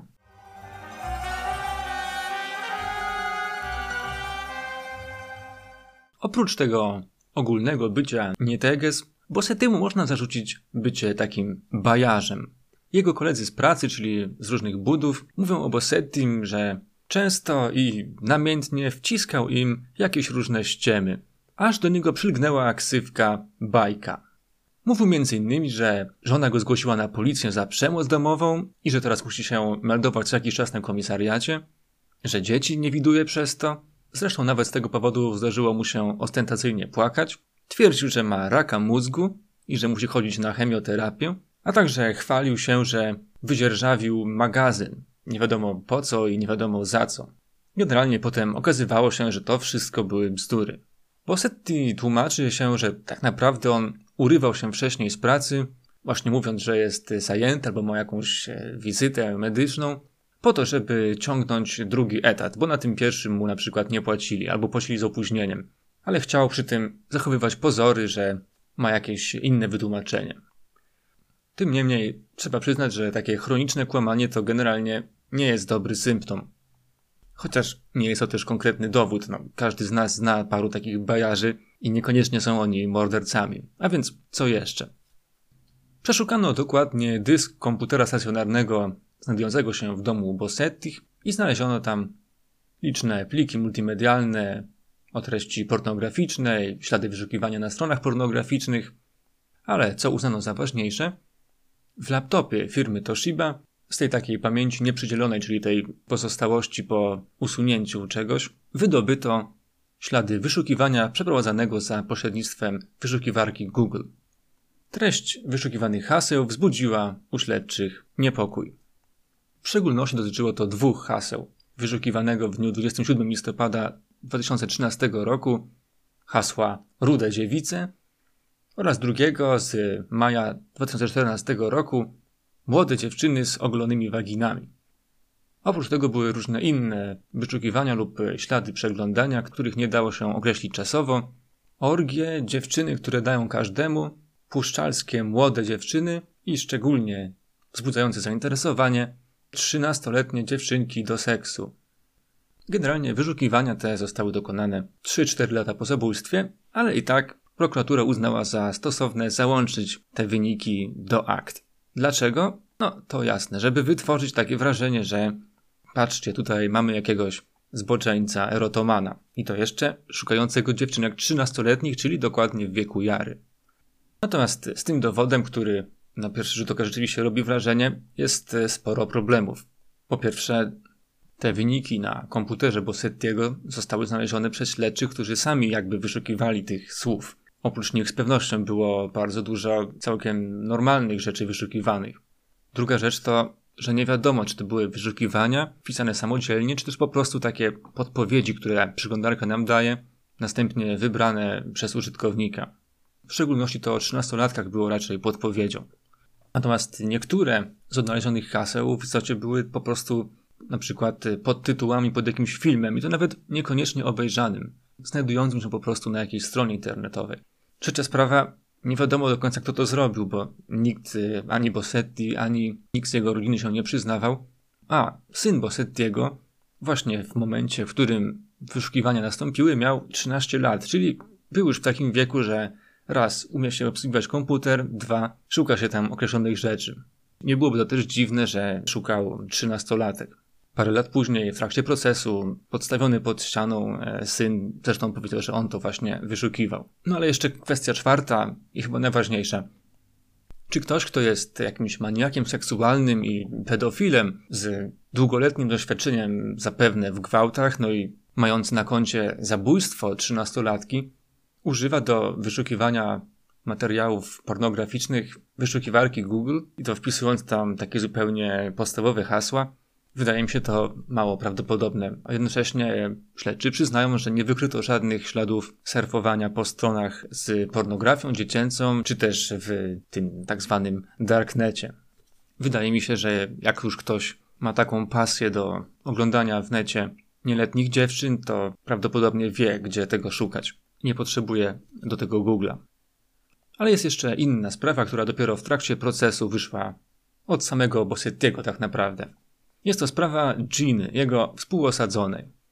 Z tąże Giną Bossetti, już będąc dwa lata w areszcie, pisał liściki. I były to liściki o takim zabarwieniu gimnazjalno-erotycznym. Pozwolę sobie jeden i tylko jeden taki liścik zacytować.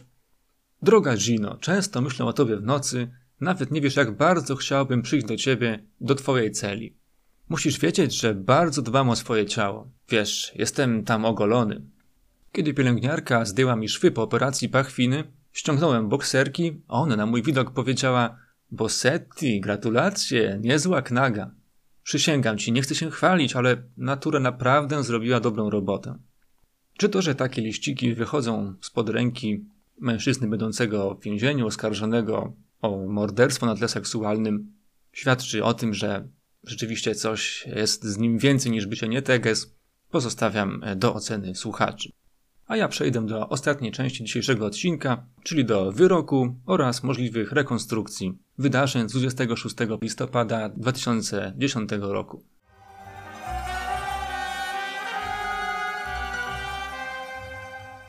Massimo Giuseppe Bossetti został skazany na karę dożywotniego pozbawienia wolności. Wyrok utrzymał się w drugiej instancji, nie powiodła się kasacja złożona przez jego obrońców. Sąd uznał, że dopuścił się on czynu, który był zbrodnią zabójstwa umyślnego i to w okolicznościach zaostrzających karę. Chodzi tu przede wszystkim o wiek ofiary oraz o fakt znęcania się nad nią. Sąd uznał, że Bossetti porwał Jarę Gambierazio, zabrał ją w odosobnione miejsce, tam wielokrotnie uderzył i okaleczył, hmm, znęcał się nad ciałem ofiary przez znaczny czas, uczynił na jej ciele cięcia nożem, kiedy jeszcze dziewczyna wciąż żyła, i to uczynił cięcia zbędne, to znaczy albo powierzchowne, albo w obszarach, y, których przecięcie nie stanowiło zagrożenia. Także powodował krwawienie i ból, ale nie natychmiastową śmierć. Następnie zaś pozostawił wciąż jeszcze żywą Jarę na pewną śmierć na polu w Kignolo d'Isola. Całą tę sekwencję zachowań, zdaniem sądu, Bossetti obejmował swoim zamiarem. Jakie mamy w tej rekonstrukcji braki i problemy? Po pierwsze, nie udało się ustalić jakiegoś jasnego motywu całej tej akcji. To znaczy jest niby motyw seksualny, ale przecież wiemy, że nic się seksualnego nie zadziało. Nie było prawdopodobnie nawet próby gwałtu. Nie do końca znaleziono też uzasadnienie tych zadanych ran, to znaczy, okej, okay, znęcał się, ale dlaczego właściwie się znęcał? Dlaczego przestał? Dlaczego jej nie zabił? Poza tym, dlaczego zabrał telefon i co właściwie potem z nim zrobił? Nie jest też wyjaśniona rola placu budowy w Mapello, jeśli rzeczywiście jakaś rola była. Nie wiadomo też, którędy w ogóle Jara wyszła z siłowni i gdzie Massimo Giuseppe Bossetti ją złapał. Poza tym, jak to złapał, to znaczy jakoś ogłuszył od tyłu i załadował do furgonetki, to raczej ciężko jest zrobić e, w jedną osobę, bo ktoś musi furgonetkę kierować, a ktoś musi z zewnątrz zajść dziewczynę od tyłu i ją ogłuszyć. Większy sens miałoby, żeby Jara wsiadła dobrowolnie do tej furgonetki, no ale dlaczego ta rozsądna skądinąd dziewczyna miałaby wejść do furgonetki z nieznajomym i to jeszcze o takiej aparycji nieco podejrzanej. Tego więc nadal nie wiemy. I co do winy Bossettiego, do dziś wiele osób jest nieprzekonanych. Posłuchajmy więc, jakie powstały alternatywne wersje tej historii. Historii zabójstwa Jary Gambirazio.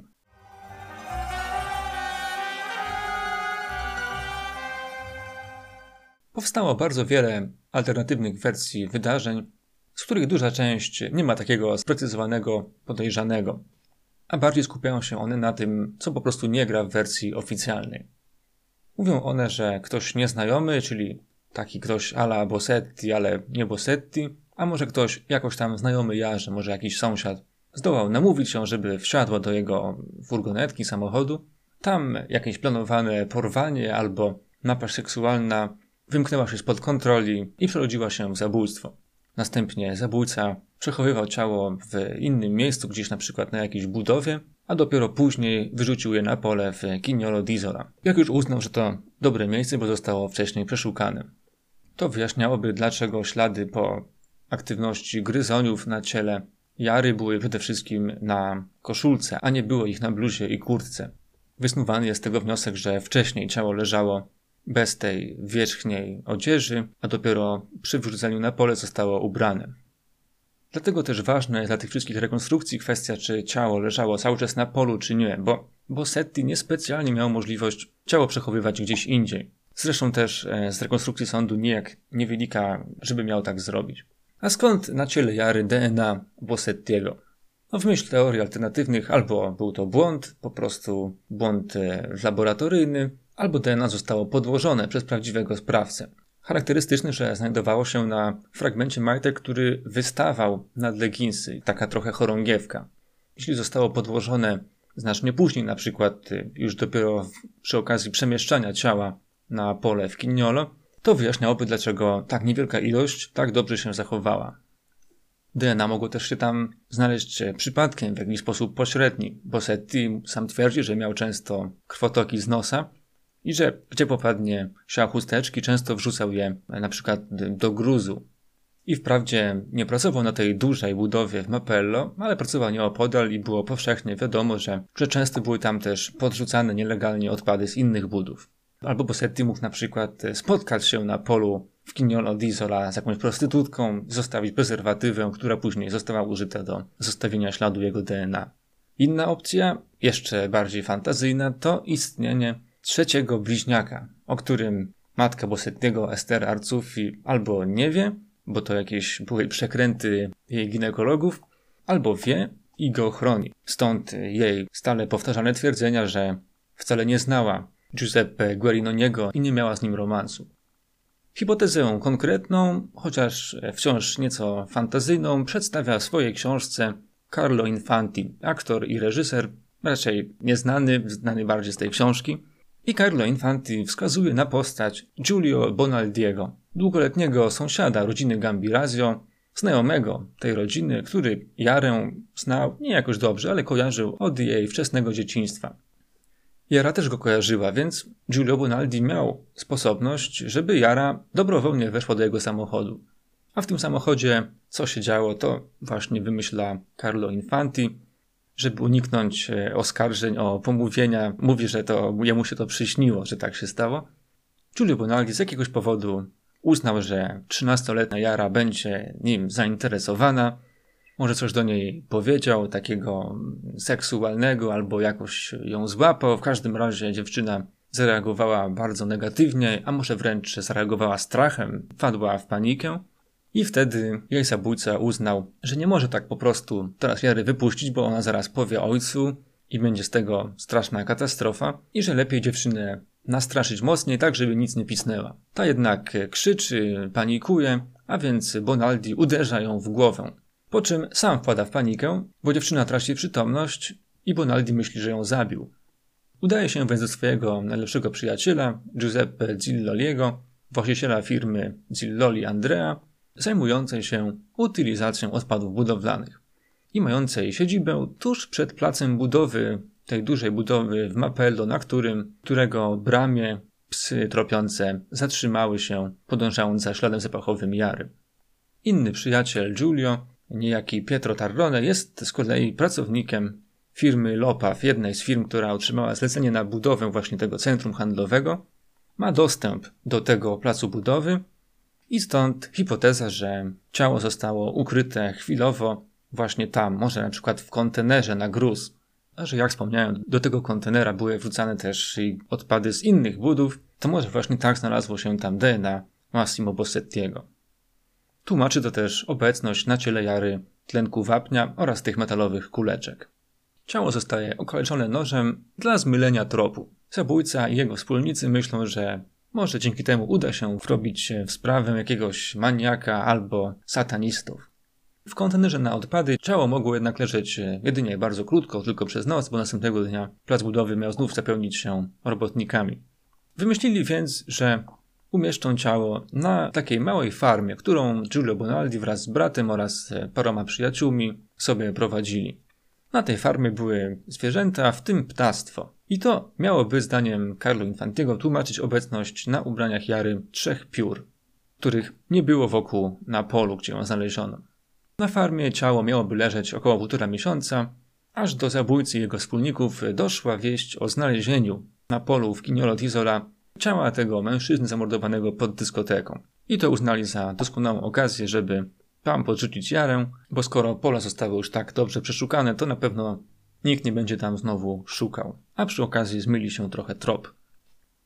Ta hipoteza jest więc jakimś wyjaśnieniem, jak e, zabójstwo mogło przebiegać bez udziału Bossettiego, a czy jest ona lepsza niż e, właśnie udział Bossettiego, to kwestia do zastanowienia się. Dodatkowym smaczkiem tej historii jest to, że Giulio Bonaldi urodził się tego samego dnia co Bossetti i jego siostra więc jeszcze podpadałby nawet pod tą teorię o trzecim bliźniaku z tak zbliżonym DNA, że zostało pomylone. Ale jest też druga grupa rekonstrukcji, całkiem ciekawych e, i zupełnie innych, w myśl których Jara nigdy nie opuściła siłowni i to tam padła ofiarą swoich znajomych, rówieśników lub starszych.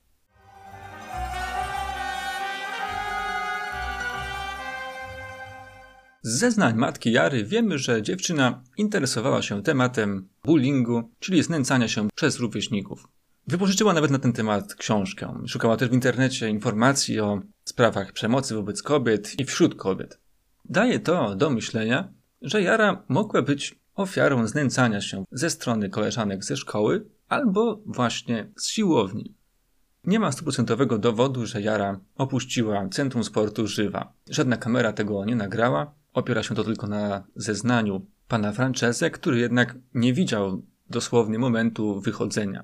Teoria mówi więc, że Jara miała taki problem z rówieśnikami, którzy się nad nią znęcali, no i że właśnie tego pechowego wieczoru coś w tym znęcaniu poszło nie tak, jakoś tak ją uderzyli, że Jara straciła przytomność, po czym wszyscy generalnie spanikowali. Teoria o bullyingu jest też wyjaśnieniem dla tych nacięć nożem, które były takie bardziej złośliwe niż groźne i na pewno nie seksualne. Ewentualnie można by je uznać za próbę zamaskowania prawdziwych intencji sprawcy, próbę zwrócenia tej zbrodni na jakiegoś właśnie maniaka z nożem. Następnie rówieśnikom Jary ktoś musiał pomóc schować to ciało, wywieźć je z terenu siłowni Być może był to na przykład woźny, o którym wiadomo, że właśnie mniej więcej w godzinę zabójstwa wyjeżdżał furgonetką z terenu centrum sportu przez bramę, która normalnie jest zamknięta, a tylko on ma do niej klucze. A może pomogła im Sylwia Brena, czyli ta trenerka, której DNA znaleziono na rękawie kurtki, a której brat również miał klucze do bramy. Zresztą z samą Sylwią Brenną też jest teoria, ponieważ w trakcie śledztwa zachowywała się ona nieco dziwnie. I z akt sprawy wynika, że w paru pozornie nieistotnych kwestiach mijała się ona z prawdą w swoich zeznaniach.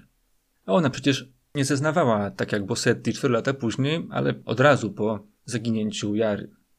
DNA Sylwii Brenny, jak wspomniałem, zostało znalezione na ubraniach Jary i to w dużej ilości, z tym, że było to w miejscu takim niezbyt obciążającym, bo na rękawie kurtki. To ta główna różnica z DNA Bossettiego. Jedyne co, to że Sylwia Brenna twierdziła, że nie widziała w ogóle Jary tamtego wieczoru, nie spotkały się, a według niektórych Jara miała wtedy tę kurtkę pierwszy raz na sobie, bo tak naprawdę należała do jej kuzynki, a kurtka Jary była w praniu. Tego nie wiemy na pewno, ale jeśli tak, to Sylwia w tej sprawie kłamie. Trenerka mówiła, że tamtego dnia przyjechała z Mediolanu pociągiem na stację Ponte San Pietro, czyli praktycznie Brembatem, około 18.30. To dało się zweryfikować. Rzeczywiście pociąg przyjechał o 18.28 i Sylwia mówi, że ze stacji odebrał ją jej brat i zawiózł do centrum sportu.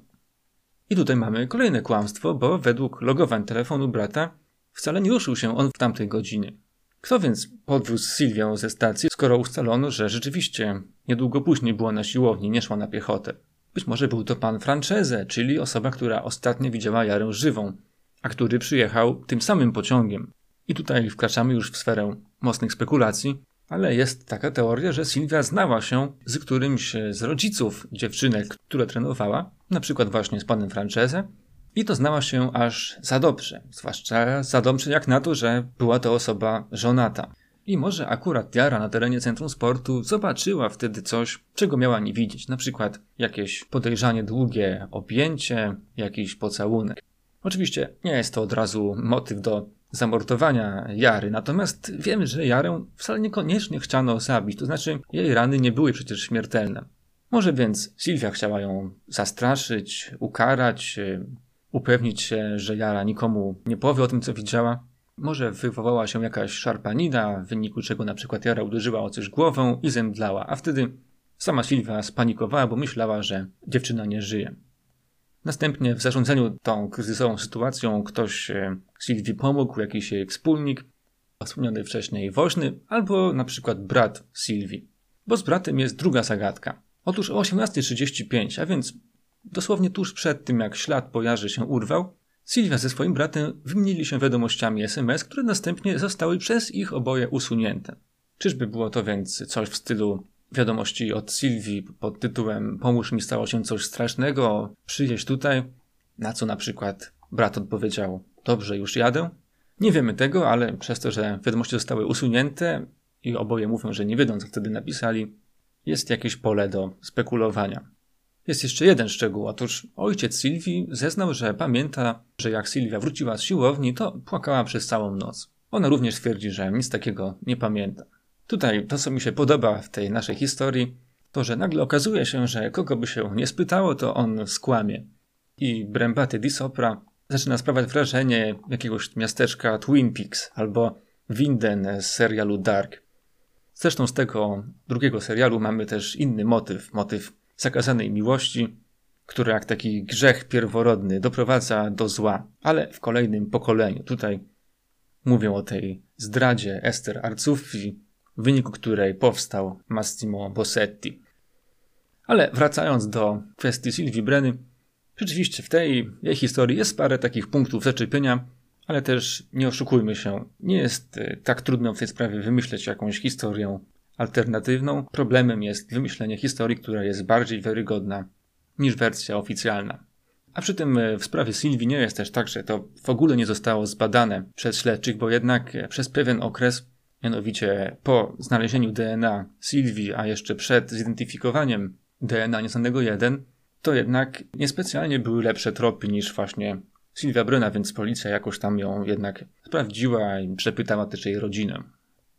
No i na koniec trzeci typ alternatywnych rekonstrukcji, jakie są w tej sprawie proponowane, czyli wątek możliwego udziału mafii. Jednak gdzie Włochy, tam i teorie mafijne.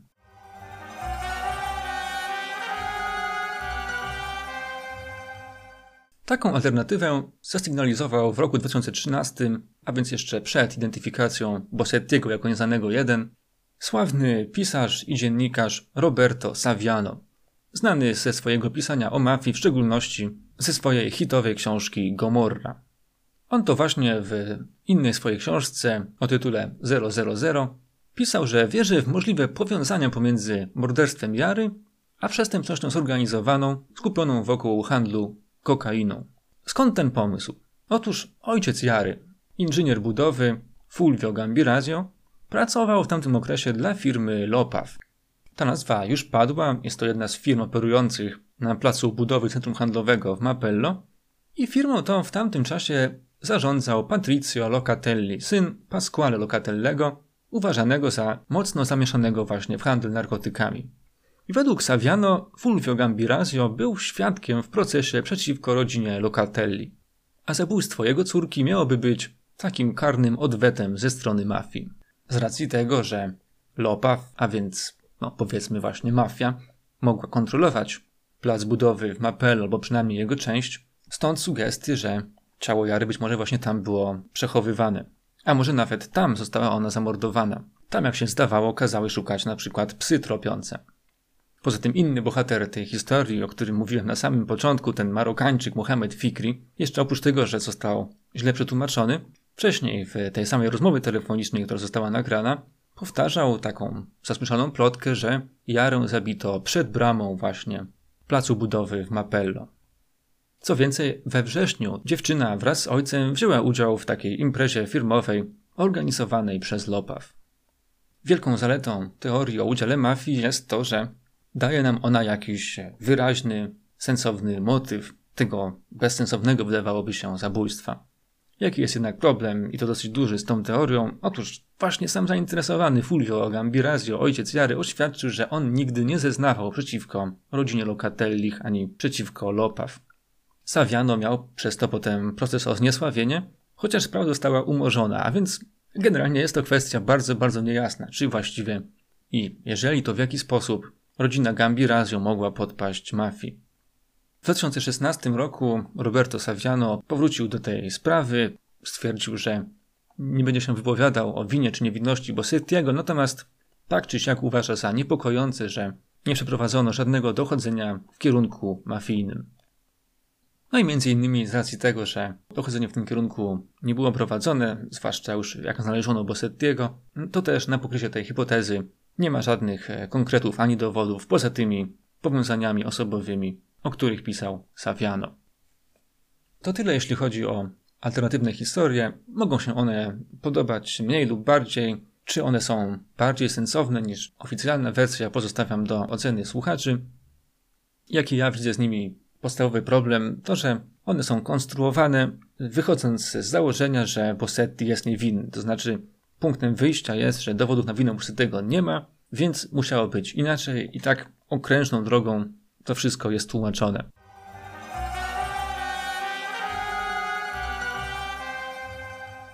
Podsumowując, kontrowersje wokół tej sprawy, pomimo upływu czasu, wciąż nie cichną. Zresztą obrońcy Bossettiego wciąż walczą o powtórne przebadanie próbek DNA i o potencjalne wznowienie procesu, raczej bez większych na to szans. Zwłaszcza, że jak wspomniałem, część tych badań była po prostu niepowtarzalna, ze względu na to, jak mało było tego materiału genetycznego. Bossetti ma też e, swoją stałą grupę obrońców w społeczeństwie, czy to w internecie, czy po prostu w mediach.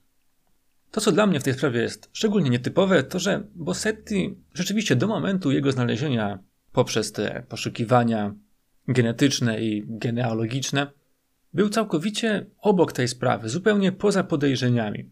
Nie było nawet na niego anonimowych donosów czy wskazań świadków, których przecież były setki. Również i donosy zawsze do policji w takich sprawach są pisane na przeróżnych podejrzanych typów. Najważniejszym dowodem na jego winę było znalezione DNA. Tam w gąszczu różnych szczegółów i technikaliów, o których mówiłem, jednej kwestii nie można tracić z oczu. Że tego DNA było naprawdę śmiesznie mało. A mówimy przecież o zabójstwie i to relatywnie brutalnym. To naprawdę wydaje się nietypowe. W zasadzie można powiedzieć, że gdyby nie te kilka mikrogramów DNA, to skromny murarz z Mapello popełniłby zbrodnię doskonałą. Brzmi to dziwnie, ale w zasadzie tak trzeba o tym mówić. Chociaż z drugiej strony to też tak naprawdę no, średnio świadczy o śledczych, bo mimo wszystko to, co zrobili, czyli te praktycznie badania przesiewowe DNA na ogromnej części populacji tamtych okolic, no to nie jest właściwy ani efektywny sposób wyjaśniania morderstw. Nie można za każdym razem czegoś takiego robić. Czy więc do Bossettiego nie można było dojść jakąś inną drogą? Może na przykład po tych zdjęciach furgonetek, które też analizowali. Co by też nie myśleć o Bossettim, to ten jego proces zdecydowanie pokazuje, jak potężną machiną jest państwo i jakie problemy mogą mieć oskarżeni i obrońcy, którzy muszą wykładać na swoje działania mnóstwo czasu i pieniędzy, żeby sprostać e, władzy. W takich medialnych śledztwach oczywiście nie zawsze tak jest. Bossetti nie był oczywiście bogaty, natomiast akurat we Włoszech niektórzy adwokaci lubią w takie procesy inwestować po prostu dlatego, że są one głośne i działają jak reklama. Natomiast już w Polsce to nieco gorzej działa, bo generalnie rzadko się nawet pisze, kto kogo broni. Nie jest to może trzymane w sekrecie, ale nie daje takiej rozpoznawalności. W sprawie Bossettiego jego obrońcy musieli zmagać się z olbrzymią ilością materiałów zgromadzonych. Przecież to było 60 tysięcy stron, tysiące testów DNA, tysiące przesłuchanych świadków. No i obronić swojego klienta nie dali rady. Sprawy zabójstwa Jary Gambirazio nie można według mnie uznać za taką czarno-białą. Natomiast jednak na kilka rzeczy jeszcze na sam koniec chciałbym zwrócić uwagę, zanim oceni się, że to był kolejny błąd sądowy i że siedzi w więzieniu niewinny człowiek.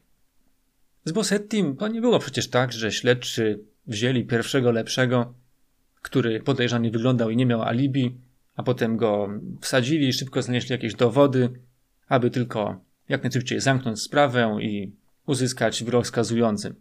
Nie, tutaj śledztwo trwało 4 lata, została wydana ogromna ilość pieniędzy, wykonana kolosalna ilość pracy, zgromadzono 60 tysięcy stron akt. Dlaczego więc mieliby się zatrzymywać na Bossettim, jeśli nie mieli na niego wystarczających dowodów? Gdyby można było realnie podejrzewać, że na przykład DNA nieznanego jeden należy jednak do kogoś innego, to przecież można by jeszcze te troszeczkę ekstra wysiłku dołożyć i tego kogoś znaleźć. Oczywiście można też stwierdzić, że włożony wysiłek, te włożone pieniądze, to też wywierało presję, aby to śledztwo w końcu miało jakiś wymierny skutek w postaci skazania. Tyle tylko, że jednocześnie ta presja powoduje, że śledczy musieli wybrać takiego kandydata, co do którego byli przekonani, że zostanie skazany, po prostu przekonani o jego winie, inaczej po co by podejmowali ryzyko kompromitacji. Odnośnie dowodów na korzyść lub niekorzyść Bossettiego. Rzeczywiście nie wszystko to, co przedstawiono w sądzie, jest y, takie przekonujące. Pewne rzeczy można według mnie inaczej interpretować również na korzyść Bossettiego, natomiast w całej tej sprawie nie ma ani jednego dowodu, ani jednej okoliczności, która mogłaby przekonać, że Bossetti jest niewinny. Przecież gdyby Bossetti na przykład był e, tamtego wieczoru nie w Brembate di Sopra, a w Peru, jak jego daleki kuzyn Damiano Guerinoni, to w ogóle nie byłoby tematu. Od razu można by uznać, że to DNA albo nie jest jego, albo trafiło na majtki Jary w jakichś innych okolicznościach. Niektórzy mówią, że to w wyniku błędów laboratoryjnych Bossetti został zidentyfikowany jako nieznany jeden, ale skoro tak, to trochę dziwne, że akurat przypadkiem był wtedy pokłócony z żoną, akurat nie było go wtedy w domu, akurat przejeżdżał co najmniej dwukrotnie swoją furgonetką w okolicy siłowni Jary, i że akurat podobne, jak nie takie same włókna, jakie są na siedzeniach tego samochodu, znaleziono na ciele dziewczyny.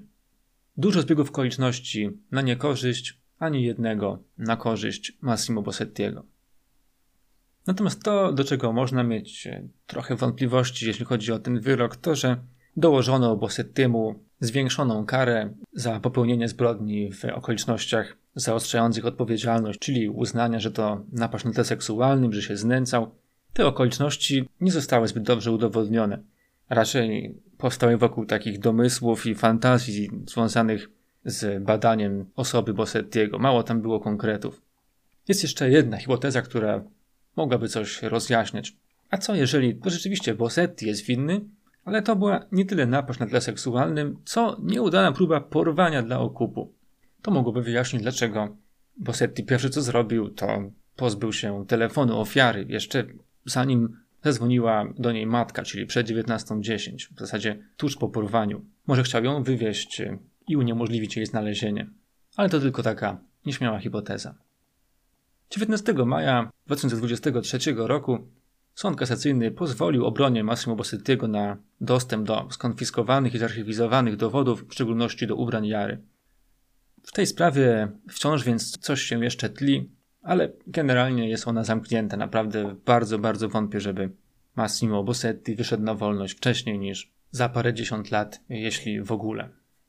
O sprawie nakręcono film o tytule Jara. Jest on na Netflixie. Nie jest to dzieło wybitne, ale można sobie dzięki niemu pewne rzeczy zwizualizować. Jara przez Y oczywiście. To wszystko dzisiaj. Dziękuję i do usłyszenia.